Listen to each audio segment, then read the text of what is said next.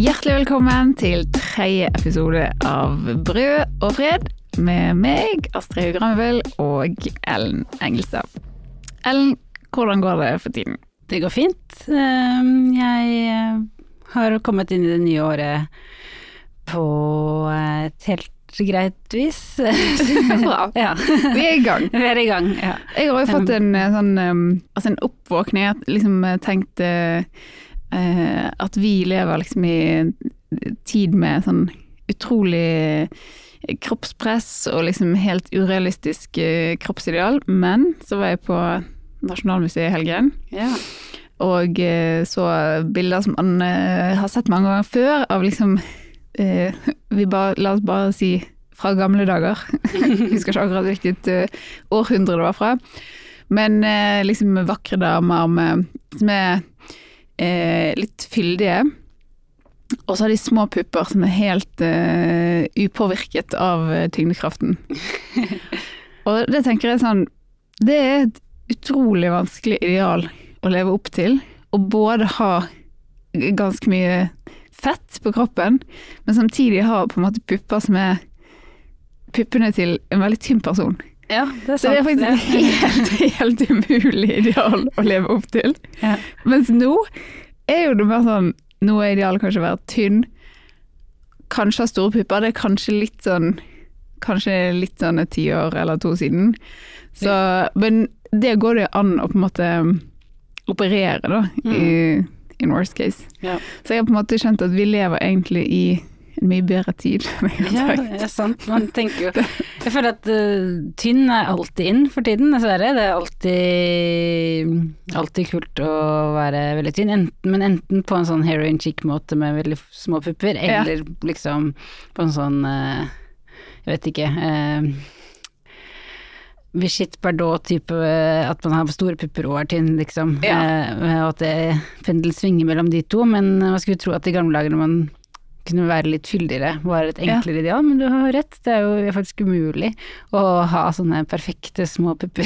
Ja, og så er det jo bilder av sånne uh, disse kvinnene som òg gjerne ammer. Uh, enten det er liksom eh, bill, altså Jomfru Maria som ammer Jesus, eller andre som Mm. ammer, så er det liksom sånn bitte liten puppe som ammer. Ja. Så det, de hadde det verre før, tror jeg. Ja. Samtidig fikk de ikke disse maleriene i fleisen hver eneste dag Nei, det tiden. sant, det- Så, så det var kanskje litt roligere press på, på, på en annen måte. ja. Men eh, ja, det er jo sånn, eh, sånn er kulturen. Tydeligvis Mm. går det mye bedre med kroppspress eh, nå enn før. Og for menn da, så kan jeg bare si det er likt hele veien. Det gjelder å være muskuløs. Ja. I gamle dager og nå. Ja. Det er likt. Mm. Så um, Og det er jo på en måte oppnåelig, da. Om Mm. enn det krever litt mye jobb, kanskje. Vi er jo en podkast som, eh, som sier vi er mot eh, hyperkulturen, uten å ha definert helt hva det er, og det tenker jeg vi kan godt fortsette med. er du enig? Ja, det er helt fint. Ja. Men vi kommer vel inn på fenomenet av og til, og en ting som jeg på en måte tenkte på, at preger kulturen vår i, eh, i stor grad, og som er litt sånn typisk hypert, er at jeg er veldig opptatt av hvordan ting sies, og kanskje prosessen rundt det man sier, men at, ikke at man ikke helt vet hva man sier. Eh, eller det er ikke så viktig, kanskje budskapet, eller at det er uklart, da. At vi, og det handler om at vi har vanskelig for å se for, for oss et annet samfunn. Vi har jo det kjente slagordet en annen verden er mulig, men uh, vi har på en måte blitt dårligere enn tidligere på å formulere hva vi mener med det. Mm. Mm. Og at moderne protestbevegelser er mer sånn uh, Vi har vært veldig opptatt av i de siste tiårene hvordan, hvordan man skal protestere, uh, og hva man er mot, men ikke så gode på hva man ønsker, da. Mm. Og så så jeg en eh, dokumentarfilm med veldig passende navn for liksom, vår podkast, nemlig Hypernormalization, Mm. eh, fra 2016, hvor en eh, fyr som heter Adam Curtis eh, har funnet fram i, i, i BBCs arkiver masse ulike klipp, eh, og da viser han eh, klipp fra liksom disse protestene som kom eh, i kjølvannet av finanskrisen i 2007.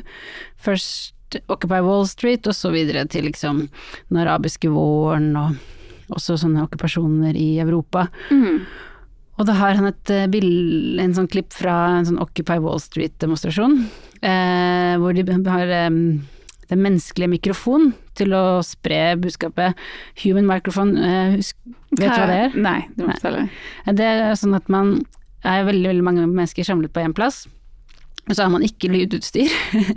sånn at alle skal høre hva den som snakker sier, da, så er det sånn at uh, taleren sier bare én setning, og så gjentar de som sitter nærmest det, kanskje roper det høyt, og da hører de som sitter bak dem det, og så roper de det videre, og de det videre, sånn at det liksom okay. går sånne lydbølger ut, Ja. da. Uh, så det er jo veldig demokratisk uh, og fint. Og en litt sånn avan- avansert viskeleken, det er ikke sikkert så bra. Nei, det er litt det. Det er en litt sånn avansert viskelek. Og eh, tanken er at alle skal da få, få uttrykke seg, og at alle skal bli hørt. Eh, så det er veldig fine sånn demokratiske idealer. Men han uh, har funnet et klipp hvor han viser hvordan det funket i praksis, så det er litt uh, så som så. Jeg tenkte vi kunne høre det. We are now going to vote on whether to stay here for the next two hours. On whether to stay here for the next two hours. Or leave now. Or leave now. Ja, så det, vi hørte jo at det, det funket som det skulle i den forstand at uh, budskapet ble gjentatt, men det var kanskje ikke så veldig mye budskap der. Nei, Eh, nei. Uh, og uh, det som er at det er også en veldig sånn tidkrevende og utmattende måte å, å ha et møte på.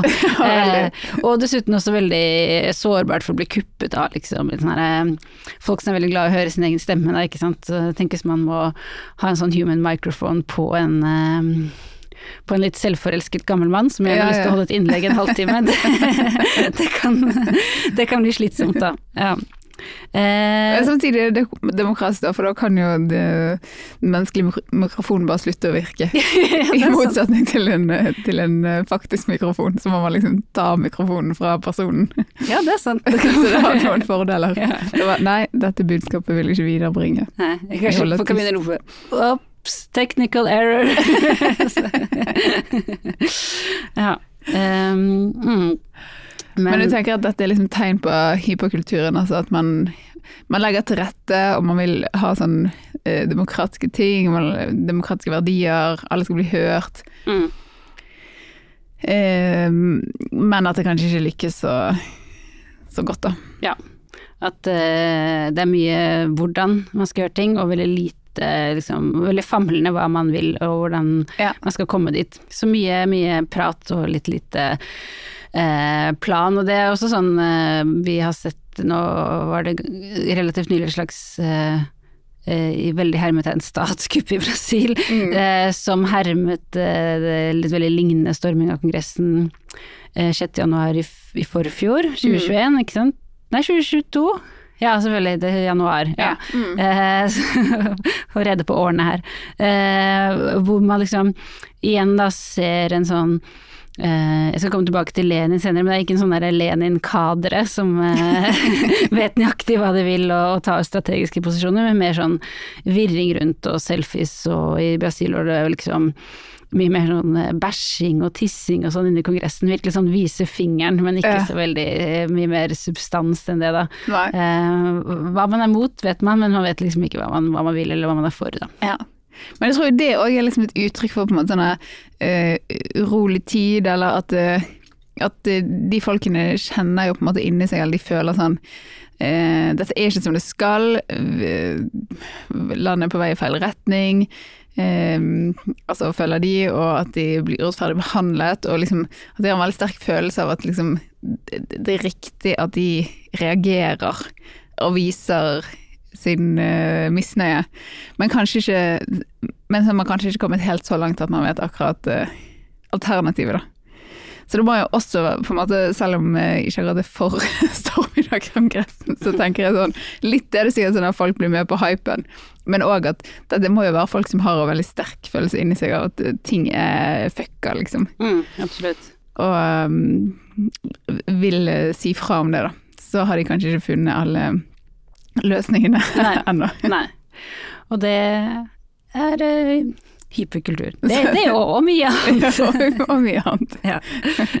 Det var eh, noen som sa at, um, altså, siden vi er så glad i papirkalender begge to, og nå var det sånn hvis og vidt og sånn eh, Var det i fjor? 2022? 2023? Hvilket år er vi? Så kanskje det er bare oss som, som syns ting går litt fort når vi ikke klarer å henge med hvilket år det er engang. Ikke sant. Og med alt skrevet ned i en bok. Ja. Så Ja, kanskje det var oss. kanskje det var vårt problem. Ja. Uansett. Uansett, ja. uh, men det jeg tenkte vi skulle snakke om i dag, og som uh, henger litt sammen med dette, det er på en måte det er eh, debatten i etterkant av VM i Qatar, eh, som jo eh, kom i helt på tampen av 2022. eh, altså debatten, så den er jo litt over nå, jeg er klar over det. Men jeg tenker at denne podkasten tar jo opp eldre kulturelle fenomener som 4500 år gamle epos, eller en måte gamle debatter.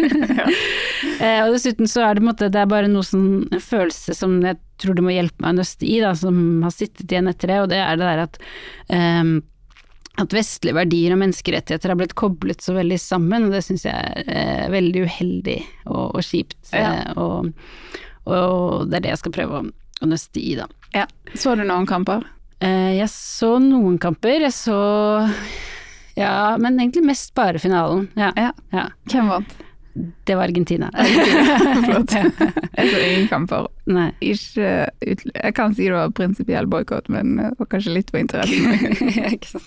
Du boikotter litt som du boikotter eh, eh, golfmesterskap eh, også. Nettopp. Ja.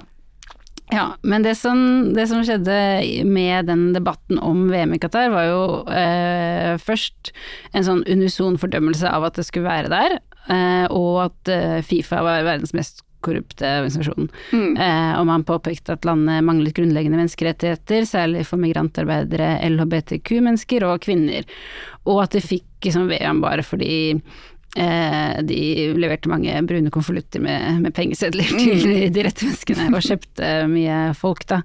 Eh, og at det er veldig mye problemer med å, å ha det i, der, for eksempel at det er dritvarmt, og at de ikke har noe fotballkultur, og, og så videre. Eh, Men at eh, Så da VM åpnet, så var det med en pressekonferanse eh, fra Fifa-sjef Giovanni Infantino. Mm. Da var liksom tilliten helt på bunn, og da holdt han en uh, ganske kjent og veldig merkelig tale. Hvor han snakket om at uh, Han slo veldig hardt tilbake, da, og brukte mye sånn uh, woke-språk, faktisk. Hvor Ja, han ja. mente liksom at eh, Europa har eh, burde si unnskyld de neste 3000 årene for sitat, det de har gjort de 3000 foregående. Så veldig vagt.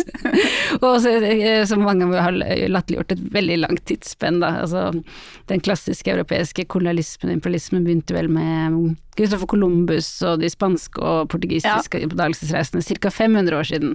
Altså hvor 3000 kommer inn. Ja, det virker som man da inkluderer jeg vet da faen Sparta og, eh, og Romerriket og Peloponneserkrigene og det ja, kan man jo si er noe annet. Det er kanskje noe annet. Ja. Ja. Eh, men også fortsatte han å si at han skjønte hvordan undertrykte grupper har det, fordi han selv ble mobbet for rødt hår og fregner på skolen, og det er masse Veldig, veldig merkelig. Ja. Eh, og veldig latterliggjort med, med rette. Også fordi liksom, han er en veldig rar avsender for en sånn eh, woke-tale, ikke sant. Det gir mye mer mening hvis en eh, ung svart kvinne som leder en George Floyd-protest eller noe, sier noen sånne bevingede ord, enn liksom en fyr som alle bare føler er veldig sterkt inni inn at jeg kjøpt og betalt, og bare sitter og administrerer eh, brune konvolutter med penger og ja, det var sånn ja, du har ikke rett til å holde på sånn her, på en måte. Nei. Nei. Men ehm, eh, det Jeg føler at likevel som skjedde, var jo at han eh, til slutt vant, da. Eh, at hans narrativ, på tross av at det ble så latterliggjort, ble eh, ble satt seg fast. Eh, ikke bare pga. han selvfølgelig, men at liksom eh, etter hvert så kom det opp veldig mye argumenter om at dette her var veldig dobbeltmoralsk av Vesten å dømme VM i Qatar så mye, når eh, det, vi har masse problemer selv. Eksempel USA skal være vertskapsland neste gang det er VM i fotball, sammen med Mexico og Canada, og at um, og at USA har enormt mye problemer med både inne, internt, med liksom nekte kvinner abort og, og eh, systematisk rasisme osv., og, så videre, og i tillegg liksom eh, Masse krigføring. Masse krigføring, Ja. og- ja. Mm. Eh, sånn at denne, og det har jo vært snakket om i mange Dette har jo modnet fordi dekolonialisering og oppgjør med vestlig imperialisme har eh, vært på agendaen i de siste tiårene. Så det liksom Infantino la opp til, det var et slags Det falt jo på en måte også på moden grunn, da. Mm. Eh, og ehm, eh, et veldig godt eksempel. Og så var det også mye snakk om at liksom, dobbeltmoralen er rettet mot muslimer eller arabere spesielt, ikke sant. At man eh, ikke kritiserer når regimer vi kanskje mm, er mer avhengig av, eller bare er mer hvite. Jeg vet ikke, eksempel da Russland arrangerte VM, så var det lite kritikk, mm. selv om det er et diktatur det også, og sånn. Eh, at, eh, og et veldig godt eksempel på det er jo eh, vår søsterpod her i Manifest Media, den satiriske podkasten Kontrollen, den er veldig morsom. De diskuterte da VM med komiker eh, Josef Hadaoui, eh, og han mente at det var veldig mye dobbeltmoral i kritikken av VM, og sa altså, det var sånn, handlet om araberhat og sånn, han var ganske eh, heftig da i den kritikken. Og så sa han også at han mener at Qatar egentlig er et bra eh, land å bo i, eh, og da kan vi høre et klipp fra det. det at Qatar, lillebror Qatar, som har eksistert siden 1971, at vi skal gi dem så jævla mye tid. Når det, hvis du tar bort de to tingene der, med, med, eh, med migrantarbeid og eh, LBTQ, hvis de klarer å forbedre seg på det, så tror jeg Qatar er verdens beste land å bo i. Fordi de, de altså, virkelig, jeg, jeg kunne altså lett ha flytta til Qatar. Verdens beste land å bo i. ja. For noen, i hvert fall. Ja, for det er sånn eh, Jeg skjønner jo at han er sur, eh, fordi det har vært mye dobbeltmoral ute og går, men det er også sånn Det er ganske jeg blir, merker jeg blir likevel veldig irritert, fordi han for det første sier at Qatar har bare to små problemer, og det er dette med migrantarbeidere og LHBTQ-rettigheter. Fordi For det første så er ikke det akkurat små problemer, men helt gigantiske som dominerer hele samfunnet. Ja. Eh, I Qatar er over 90% av befolkningen eh, migrantarbeidere uten statsborgerskap, så de er liksom ikke en liten minoritet som, mm. som har et lite problem. Og Amnesty International og flere andre har avslørt systematiske brudd på menneskerettighetene til mange av disse, ikke alle. Eh, og så er liksom det å være homofili og være trans, det er forbudt. Sex mellom menn straffes med fengsel opptil tre år. Og man kan si det er en kulturell norm i den delen av verden, eh, men det er fortsatt et klart brudd på menneskerettighetene og mulighet liksom til å være den du er og, og elske den du vil, da. Som eh, som er ganske viktige rettigheter. Eh, og så blir jeg så sur fordi han eh, hadde i, liksom nevner disse to små problemene, og så glemmer han en tredje kategori som er veldig undertrykt i Qatar, og som jeg selv tilhører, for å være litt Gianni Infantino selv. og det er eh, kvinner. Ja. Eh, for kvinner i Qatar de kan eh, knapt gjøre noe som helst uten tillatelse fra en mannlig verge. De kan verken ta utdanning, gifte seg, skaffe jobb eller reise. Og så Derfor så er de jo ekstremt avhengig av på en måte, velvillige menn i familien før de blir gift. Eh, eh, fedre eller brødre, og etterpå ektemenn, da. Ja. Så eh, det er liksom en sånn enorm eh, mangel på, på menneskerettigheter. Og så føler jeg at eh, denne debatten har på en måte sagt at sånn, ja ja, men det er våre vestlige verdier her, eh, som vi prøver å dytte på andre, og det bør vi kanskje slutte med. At det blir liksom eh, konklusjonen, at eh, nå må vi dekolonisere ved å slutte å prøve å, mase om eh, menneskerettigheter og dytte det på andre. Mm. Ha litt respekt for at det ikke er så lenge siden vi hadde de samme verdiene her i Norge, og ting tar litt tid, og, Mm. eller i Vesten, og eh, la, la ting gå i, i sin, sin naturlige takt, eller ha en slags tro på at liksom, ja, Mm.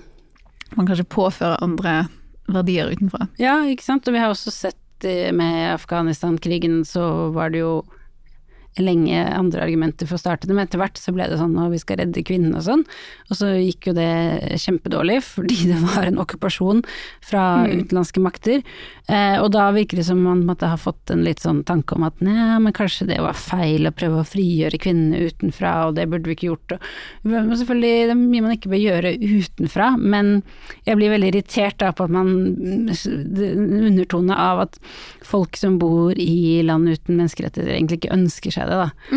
Um, så jeg så liksom litt i en rapport fra uh, Human Rights Watch om kvinners rett, uh, situasjon i Qatar, og da intervjuer de jo masse qatarske damer som snakker om hvor ufrie de er, og hvor um, utrolig slitsomt det er, da. Uh, og de, det var veldig mye snakk om Bare ett eksempel da, som opprørte meg, var med at man ikke får hjelp med eh, kvinnehelse og underlivsplager og sånn, med mindre man er gift. Så det var en dame som sa hun hadde endometriose og ikke fikk hjelp fordi liksom legen ikke kunne måtte være i underlivet hennes hvis hun var jomfru eller et eller annet sånt. Nå, ja. Ja, og man også nektes jo, hvis man blir gravid utenfor ekteskap, så og det kan jo være etter voldtekt også, ikke sant. Så nektes man jo selvfølgelig hjelp til abort, men også til svangerskapsomsorg. Eh, og helsearbeidere som oppdager at en ugift kvinne er gravid, de er pålagt å anmelde henne til politiet. Ja. Så det er ganske heftig. Verdens beste land å bo i. Ja, ikke sant. Klassisk kjennetegn. ja, så han uh, var kanskje litt sleivete der, da. Det, Ja, ja, det skjønner han sikkert selv. Ja. Mm. Det er liksom det jeg vil nøste litt i her, da. At man uh, har vært så dobbeltmoralsk så lenge, kanskje, Vesten, at man um, uh, har begynt å koble menneskeretter med vestlige verdier, og at vi kanskje må slutte å, å dytte det på andre, og imperialistisk, da. Og en som har skrevet om boikott, boikotten av av VM, at den var liksom feil for den hadde ideologisk slagside og var dobbeltmoralsk. Det var den svenske forfatteren og skribenten Kajsa Ekis Ekman. Eh, og hun er jo kjent som eh, venstreintellektuell og kvinnesaksforkjemper, kanskje særlig. Og ganske kontroversiell. For hun har utfordret eh, et ganske rådende syn på kjønn i dag, eh, som at det er liksom essensielt og noe man Ja. Hva er det, det essensielle synet på kjønn? Kan du hjelpe meg også med det? Jeg tror det er litt sånn vanskelig å si på en måte hva hun egentlig utfordrer, for hun utfordrer jo det som jeg vil tenke egentlig er den nye ideen om kjønn, nemlig at det er noe eh, Altså at man vektlegger kjønnsidentitet i motsetning til eh, ikke det er jo ikke som at de som er opptatt av kjønnsidentitet mener at biologisk kjønn ikke fins, men eh, noen mener jo at måte, biologisk kjønn er det eneste som avgjør om man er mann eller kvinne, og det, det mener jo Ekis. Mm. Men det er vanskelig å si sånn hva er det rådende synet her egentlig i Ja. samfunnet i dag, for det, der tror jeg eh, mange Det, Ja. er jo litt delt. Absolutt, det er ganske delt, ja. Og, så hun er eh, Men hun er i hvert fall veldig kontroversiell, og eh, mange miljøer på venstresiden er veldig skeptiske til henne. Men jeg er eh, trigger warning, veldig fan av Marcus, som regel, og syns hun skriver mye modig og utfordrende, da. Men det hun skrev om boikott av VM i Qatar, det var i Klassekampen 27.12.2022. Så sammenlignet hun eh, det Vestens uttalte ønske om å spre menneskerettigheter med hvordan europeiske land koloniserte verden for 500 år siden, under dekke av å frelse folk i Jesu navn, da, og gjøre dem kristne.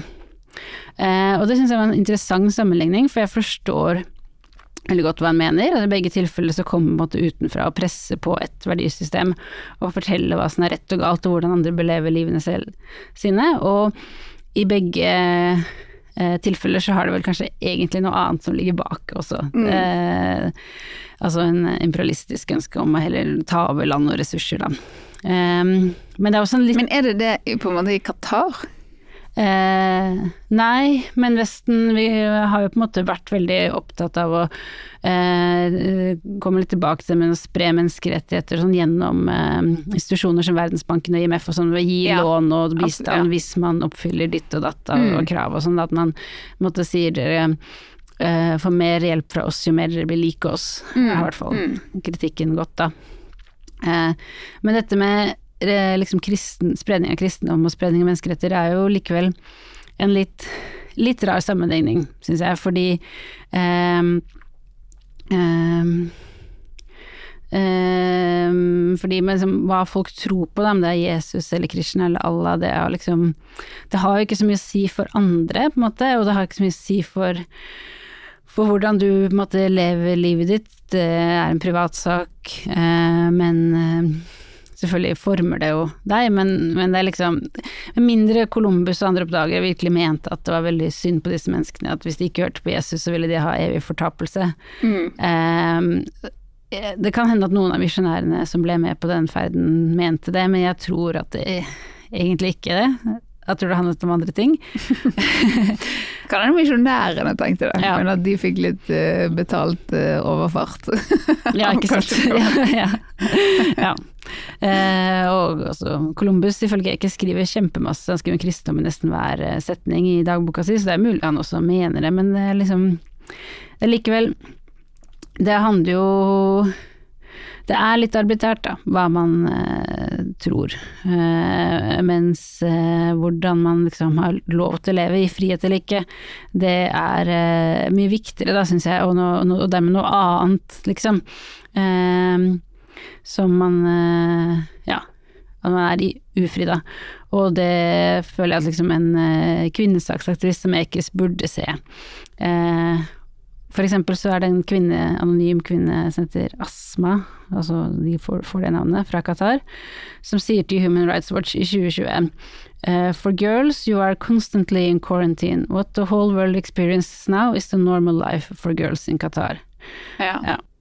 Men jeg tror jo på en måte at det er litt uh, At uh, ditt syn på religion er litt formet av at du bor i et sånn sekulært og protestantisk uh, land, da, der liksom de som er kristne har vel sånn personlig det, det er en privatsak. Altså religion er privat, da.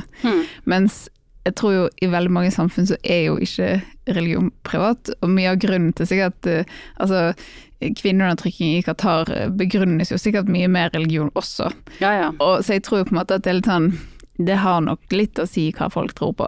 Ja, ja, ja. Det har jo og, og, og hva liksom, religion man innfører i et land og tvinger folk til å sånn Nå er dere katolikker, da må dere gjøre sånn og sånn og sånn. Og kvinnens verdi er formet av det. Og, Ja, ja. så det, det, er ikke, det er ikke sånn Det er jo to verdisett man på en måte prøver å påføre eh, noen andre folk, da. Ja, det, du har helt rett, det er sant. Jeg tror jeg bare det jeg sitter og føler at den ene er rett, den andre er feil. det er At det jeg sier. det er litt bedre enn forkynnelse om Jesus. Ja, ja.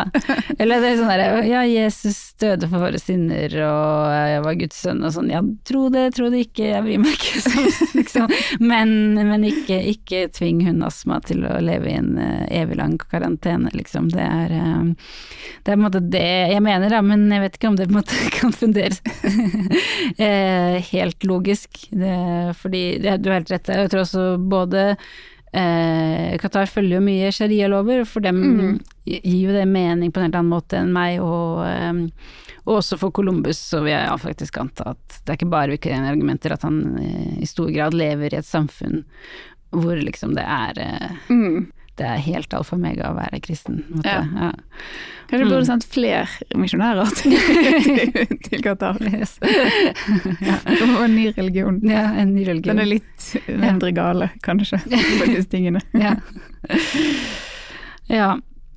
Nei, men jeg, jeg vet Altså, Ekiz vet jo dette, så jeg mener ikke egentlig at, eh, artik- at kommentaren hennes er dum. Jeg, mener eh, Jeg tror hun vet eh, godt at mennesker menneskeretter og kristendom er ulike ting, men at eh, det er liksom dobbeltmoralen. Hun, eh, hun er kritisk til. Eh, og eh, hun mener at det gjelder da særlig hvordan Vesten har eh, promotert menneskerettigheter og sanksjonert brudd på dem. At det er veldig arbitrært. eh, Og det er det samme som han Josef Adoui og mange andre kritikere har sagt, da, ikke sant. At vi boikotter VM i Qatar, men ikke VM i USA og Russland. eh, At vi eh, eh, At Israel bryter menneskerettighetene hver eneste dag og gjør grove overgrep mot palestinerne, men de får aldri noen sanksjoner Mm. fra Vesten, mens eh, Saudi-Arabia driver med helt syke menneskerettighetsbrudd og er liksom våre venner. Ja, det er samme som Israel, ja. mens eh, eksempel Cuba eh, mangler demokrati, helt klart, men ellers liksom er mye bedre stat enn en Saudi-Arabia, og det er liksom en blokade som eh, er helt meningsløs og varer og varer og varer og varer, ikke sant. Og eh, så det er veldig arbitrært hva vi hva vi slår ned på, da. Mm. Eh, og dessuten eh, også at menneskerettighetene brytes stadig mer i liksom våre egne vestlige land. Mm. Eh, eksempel i USA, Polen, Ungarn og nå også i Storbritannia hvor eh, det er eh, en streikebølge, og da svarer myndighetene med å foreslå å forby retten til å streike. Mm. Som sjukt. er helt sjukt og egentlig litt sånn ganske totalitært, da. Mm. Men en ting jeg syns er interessant med liksom, det er hvordan man reagerer mye på sånn hvem som er avsender. Det er sånn oi, kan vi i Vesten sitte og si noe om menneskerettigheter når eh, vi ikke er eh, konsekvent, og dessuten har vi vært historisk sett helt jævlige, og altså at Det er nesten litt sånn eh, forfeilet identitetspolitikk, eller liksom sånn at eh, du, kan ikke bare få ha et argument om menneskerettigheter og mener at det er viktig. Det er liksom, du må være riktig avsender. Det er litt som å si sånn Nei, menn kanskje mener noe om eh, kvinnepolitikk fordi de er menn. Og det er jo, syns jeg, helt feil. Selvfølgelig kan du mene noe liksom fordi det virker riktig og eh, logisk, eller det er noen viktige verdier. Eksempel med Kan jo menn være like mye for bedre eh, kvinnehelse som en kvinne skal være det. Mm. Og at man på en måte blir diskvalifisert og må ta sånne eh, granske seg sjøl. Samtidig så er det jo klart at hvis liksom folk i Vesten, eller denne litt uklare avsenderen, men uansett, skal sitte og være sånn eh, eh, moralens eh, vokter og menneskerettighetens vokter, så må man jo helt åpenbart være klar for kritikk når man sjøl ikke eh, lever opp til det, eller er konsekvent, eller på en måte bare angriper noen bestemte folk eller land, eller Så det er jo tosidig, da. At det er litt sånn eh, Man kommer liksom ikke unna av å Alle har jo ståsted eller, posisjon eh, som man snakker ut ifra. Mm. Og da er det jo klart at eh, hvis det er eh, eh, folk i Vesten, så kan jo på en måte ikke eh, hver person i Vesten klandres for hele de siste 3000 årene. Men at man må jo på en måte se seg litt i speilet og se på sånn ok, hvorfor, hvorfor er vi opptatt av dette og ikke noe annet. Mm. Men, eh, men det går liksom ikke an å si at sånn ja, før dere er 100% korrekte sjøl, så kan ikke man si noe om menneskerettigheter Nei. andre steder. Det er jo òg feil. Mm, det er noe med det, det er noe med at hvis, som, Det er det som plager meg, da, at hvis det blir sånn nei, Vesten må nå være selvkritisk og, og, og innse at vi har holdt på med fæle ting i 3000 år, så kan de ikke på en måte være solidariske eller påpeke at sånne folk som astma, som sier at hele livet hennes er en jævla karantene, eh, kan som ikke si noe om det, eh, og det, det syns jeg ikke er greit, da, fordi jeg føler vi kanskje tar friheten vi lever i litt for gitt, da, hvis vi eh, og ikke altså Det må på en måte deles, ikke fordi vi vet best, men fordi folk har frihetstrang overalt, da. Mm. og jeg tenkte litt på det, jeg er jo eh, Mannen min er fra Portugal, så jeg var i Lisboa i juleferien, og da var jeg innom eh, et museum for motstand og eh, politiske fanger. For Portugal var et fascistisk diktatur fram til 1974. Og, da, og det museet var ganske bra, for det var så Da hadde sånne plakater fra det fascistiske regimet. Og det føles jo da sant, nærmere fordi det er Europa og såpass nærme i tid, eh, og også fordi sant, jeg vet jo at mine svigerforeldre levde midt oppi det. Og det var bare så eh, sykt creepy å se hva slags skolebøker de hadde, hva de liksom lærte av fascistregimet. Og så spilte de også opp en tale fra den fascistiske diktatoren Salazar, hvor han bare listet opp ting man ikke har lov til å stille spørsmål ved. Da. Det var da kirken, staten og familien og dens moral. Eh, For å nevne noe, da. Ja, så det og sånn, eh, sånn er det jo i Qatar nå også, og mye verre enn det egentlig, da. Ja, ja. Så det er det som er liksom ja, utrolig ekkelt å på en måte leve sånn, da. Mm. Uh, I sånn eh, ufri, uten å kunne si hva man mener og gjøre det man vil og Mm. Eh, og svigermor forteller jo at hun eh, som kvinne liksom ikke kunne Altså hun kunne gå på kafé på måte og gjøre den type ting vi også gjør, men, men, men alltid med en sånn voldsom fordømmelse, da. uh, hvis, Ja. Og fra omgivelsene, hvis hun gikk alene og, og ikke hadde giftering, liksom. Og, altså, ja, jævlig kjipt. Men eh, en som også skrev om dette ganske bra, syns jeg, eh, i eh, etterkant av VM, var Bernhard Ellefsen, som er litteraturansvarlig i Morgenbladet. Mm. Han hadde en kommentar som kom da lille julaften i fjor, eh, hvor han skrev om boka The Light That Failed av eh, statsviterne Stephen Holmes og Ivan Krastev. Og det er en bok som argumenterer for at at Vesten var på en måte et sånt lys som alle skulle følge etter murens fall. De, sto, eh, de var liberale demokratier, og det framsto som den sikreste og beste veien til velferd og velstand, så andre land forsøkte liksom å følge etter. Mm. Men så skjedde det to ting. For det første at de liberale demokratiene forsøkte å tvinge andre til å være som dem, men ovenfra og ned.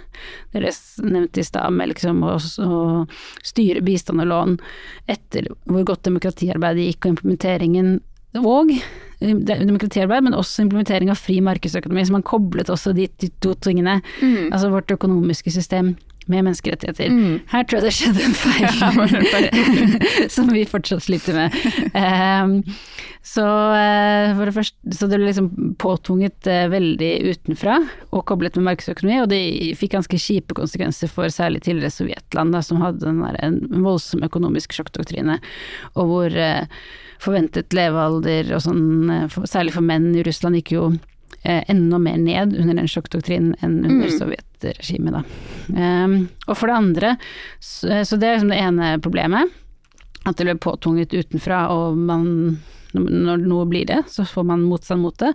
Og det andre er at Vesten sluttet å være så imponerende og framgangsrik selv etter hvert. Mm. Det så veldig kult ut med Cool Britannia-tiden rundt årtusenskiftet, men så har det vært finanskrise og økende ulikhet hos oss. Det har vært økende misnøye med den økende ulikheten og problemene vi har fått her, og eh, da også mer bevegelse i retning det autoritære i møte med alle disse nye protestene. Sant? Så man har jo sett hvordan de gule vestene i i Frankrike og eh, store sosiale protester i Spania og sånn, det ble slått ned av ganske brutale liksom, lover og eh, politi. Eh, sånn at liksom Vesten er eh, ikke så liksom, flott lenger, da, som den har påstått selv. Mm. Eh, så det Holmes og Krastev på, påpeker da, i den boka The Light That Failed, er at nå er liksom etterligningens tid forbi, og at land som Ungarn sier jo, altså Viktor Orban som leder Ungarn sier jo rett ut at han heller vil lede et illiberalt demokrati enn et liberalt demokrati, ikke sant? så det er et veldig tydelig eksempel. Um, og istedenfor å prøve å etterligne oss, så har de begynt å, å speile seg, speile Vesten, men bare de dårlige sidene. Det er liksom poenget deres. Og det vil da si militær intervensjonisme, rå interessepolitikk, geopolitisk alenegang. Sånn som Nato-landene har holdt på med i stor grad, ifølge deres kritikere. Mm. Eh, og eh, de skriver i boka sitat målet er å rive av Vestens liberale maske og vise at også USA, i motsetning til hva de lenge har hevdet, opptrer på den internasjonale arenaen i, forhold- i henhold til jungelens lov. Mm. Ja. Eh, og jeg tenker at det er vel det som er kanskje egentlig poenget til Ekis og Hadaoui og mange av disse kritikerne. Av det at vi kan Man mener liksom at vi kan holde kjeft, for vi er ikke noe særlig bedre selv, og at den liberale masken begynner liksom å falle av. Mm. Um, men, og det er jo sant, jeg, eller jeg skjønner den, jeg Ja. ser den, men det er veldig kjipt hvis dette da kobles så tett til menneskerettigheter. At det er liksom den liberale masken som skal liksom falle og vise seg å være falsk og patetisk, at det er ikke kanskje markedsøkonomien eller imperialismen, men menneskerettigheter, da. Ja, ja, ja. Ja. Altså er det jo litt sykt hvis man på en måte da skal uh, utdefinere Altså sånn Nei, folk i Vesten kan ikke si noe om dette fordi da er man hyklere, eller Mm. Det er veldig rart å gruppere alle. Altså Én ting er hvis på en måte sånn mektige ledere sier masse ting, så må man påpeke at de er hyklere. Mm. Ja. Men eh, ja. Mm.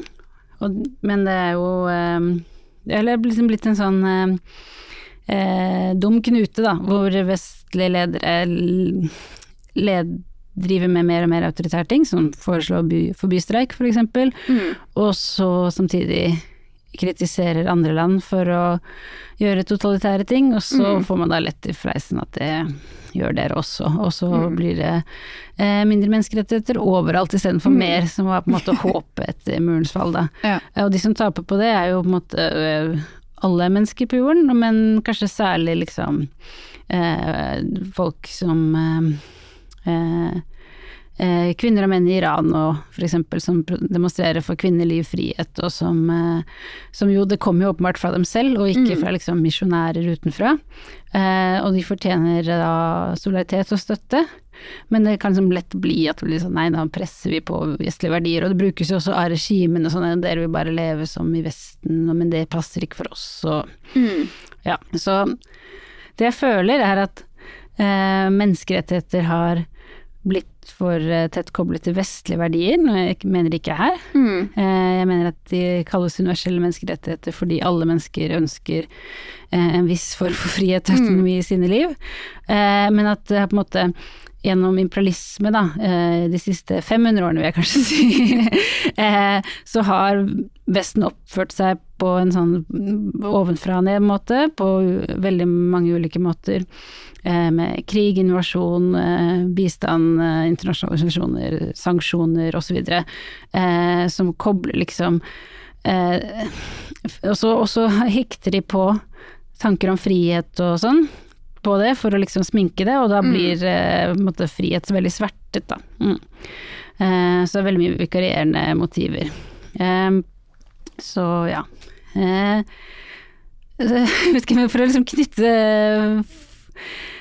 dette sammen, eh, få liksom eh, Si noe mer om imperialisme, da. Eh, eller finne ut eh, om det er noe i, i bokhylla, som var vel min jeg, jeg gikk til bokhylla for å se sånn herre eh, Hva er svaret her? Hva er svaret? For jeg, jeg føler at denne praten har vært litt vag, eh, tross alt. At det, det plager meg at, at liksom vi folk som astma som sier at hun bare vil leve fritt, at det liksom skal eh, kobles til, eh, til det imperialistiske prosjektet i Vesten. Hvorfor har det blitt sånn? Det er vel det som var spørsmålet mitt. Eh, og da eh, gikk jeg rett og slett og fant en bok som het Imperialisme. eh, fordi jeg tenkte der var det kanskje noe svar, og den, eh, eller den heter eh, en engelsk versjon jeg har, da, den heter 'Imperialism the highest stage of capitalism', og den er skrevet eh, rett og slett av eh, Vladimir Ilyich Lenin, Ja. som er eh, kollega av oss innen pamflettforfattersjangeren.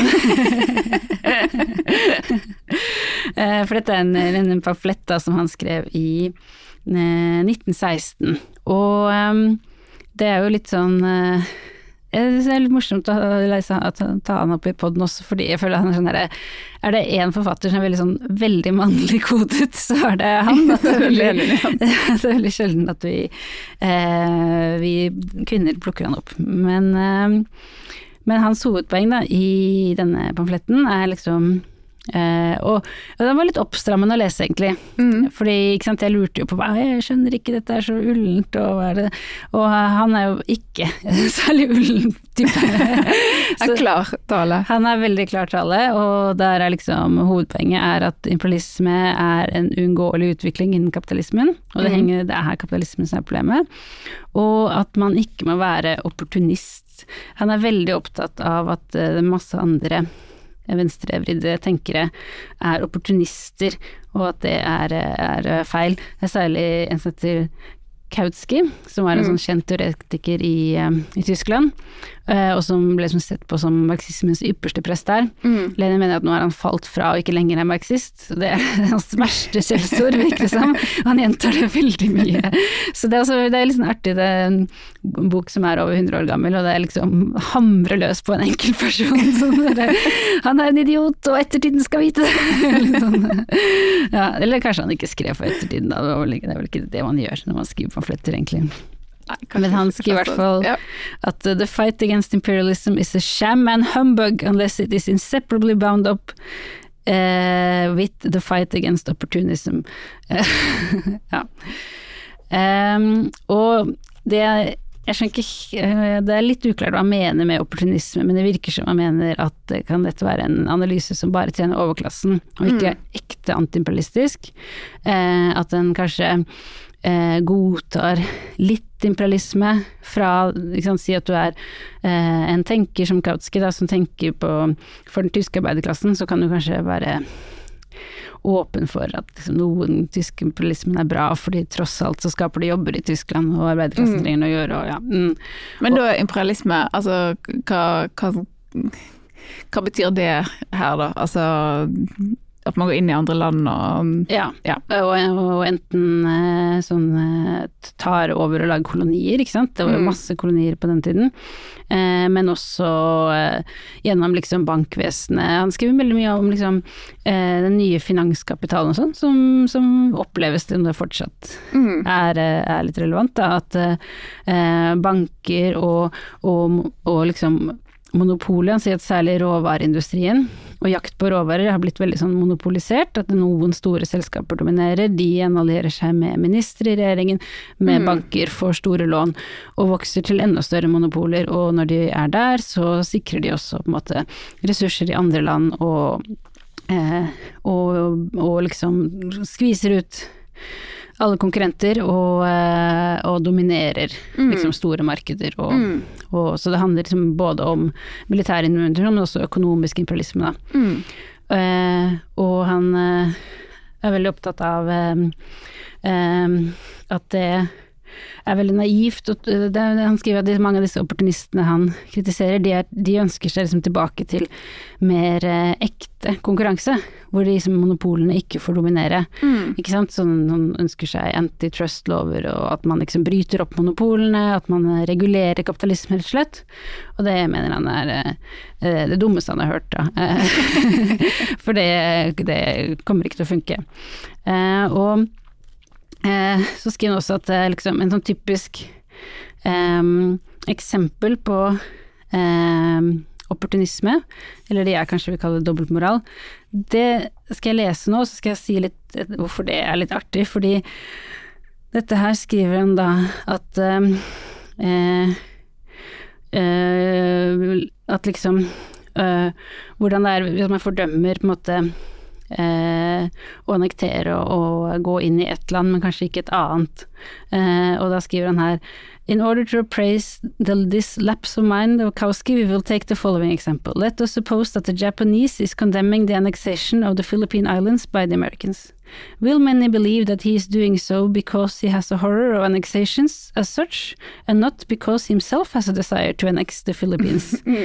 And shall we not be constrained to admit that the fight the Japanese are waging against annexations can be regarded as being sincere and politically honest only if he fights against the annexation of Korea by Japan and urges freedom for Korea to secede from Japan? Så han mener liksom at hvis, hvis en eh, japansk eh, aktivist da, mener at det er for forferdelig med USAs imperialisme i Filippinene, men ikke selv kritiserer Japans imperialisme i Korea, så Mm. er det falskt. Så det kan jo være en parallell til dette her med at vi eh, fordømmer visse land veldig mye, for Mm. mens andre ikke, da. Fordi de, Saudi-Arabia eksempel, trenger vi jo å handle med, og, og, og de trenger at de tjener oss. Mm.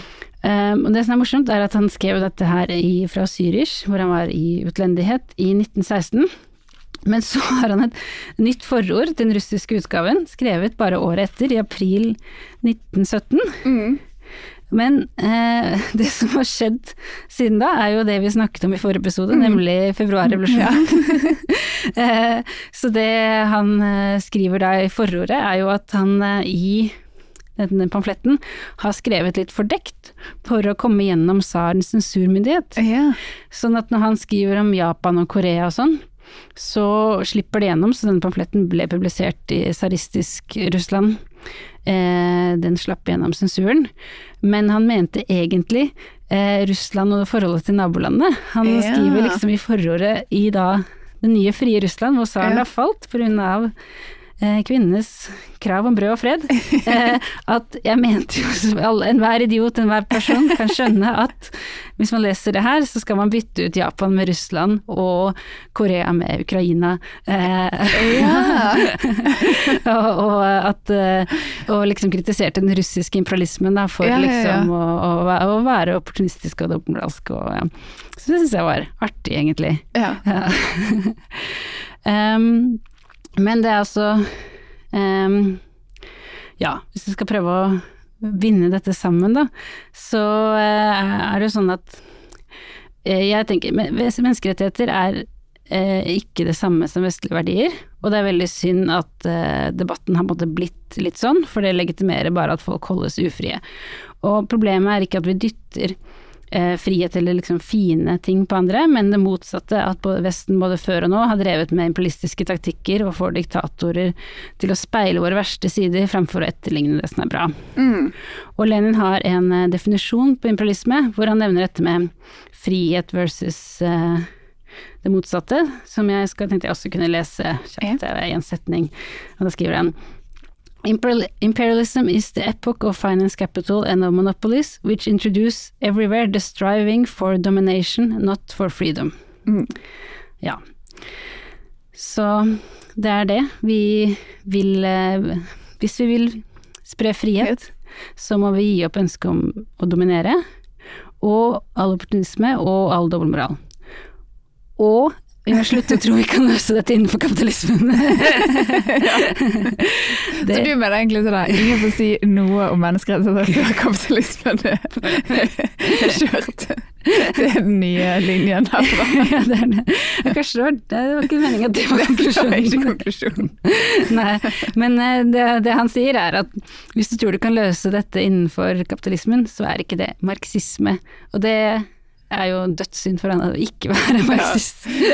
Men han tar jo litt feil, da. Det, det går jo an å leve eksempel eh, eh, frie liv som kvinner eller eh, homofile under kapitalismen. Mm. Som er mye bedre uh, enn å leve som uh, ufrie kvinner og ufrie eller undertrykte homofile Mm. under kapitalismen. Det Så det, jeg vil si det finnes et lite forbedringsrom også Ja. innenfor kapitalismen. Ja, han, eh, det der forbedringsrommet har han veldig lite tro på. ja.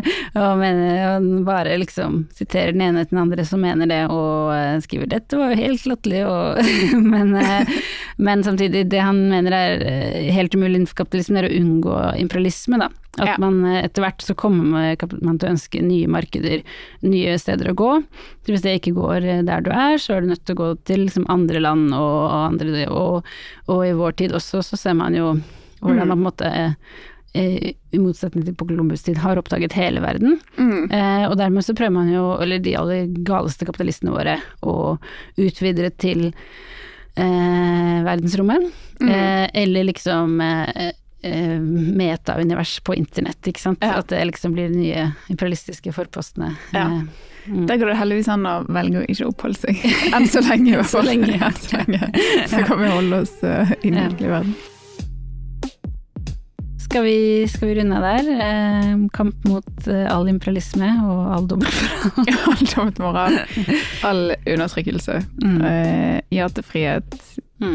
Ja til fotball, for de som liker det. Men vi er i hvert fall klar om eh, fire år eller to år, eller når det er USA. Da skal vi stå på barrikaden og påpeke all dritt USA har gjort. Ja, Skal bli anti-Fifa-aktivist. Ja. Uansett, hvis eh, du som hører på har noen eh, kjenner på eh, hyperkulturen, eller at eh, moderniteten, livet vi lever i dag, er vanskelig eller fint, så vil vi gjerne høre om det. Hvis, du, hvis det er noe du vil vi skal snakke om, send en e-post til brodogred.manifestmedia.no.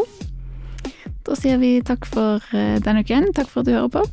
Takk for at du hører på. Vi ses, Astrid. Vi ses. Ha det.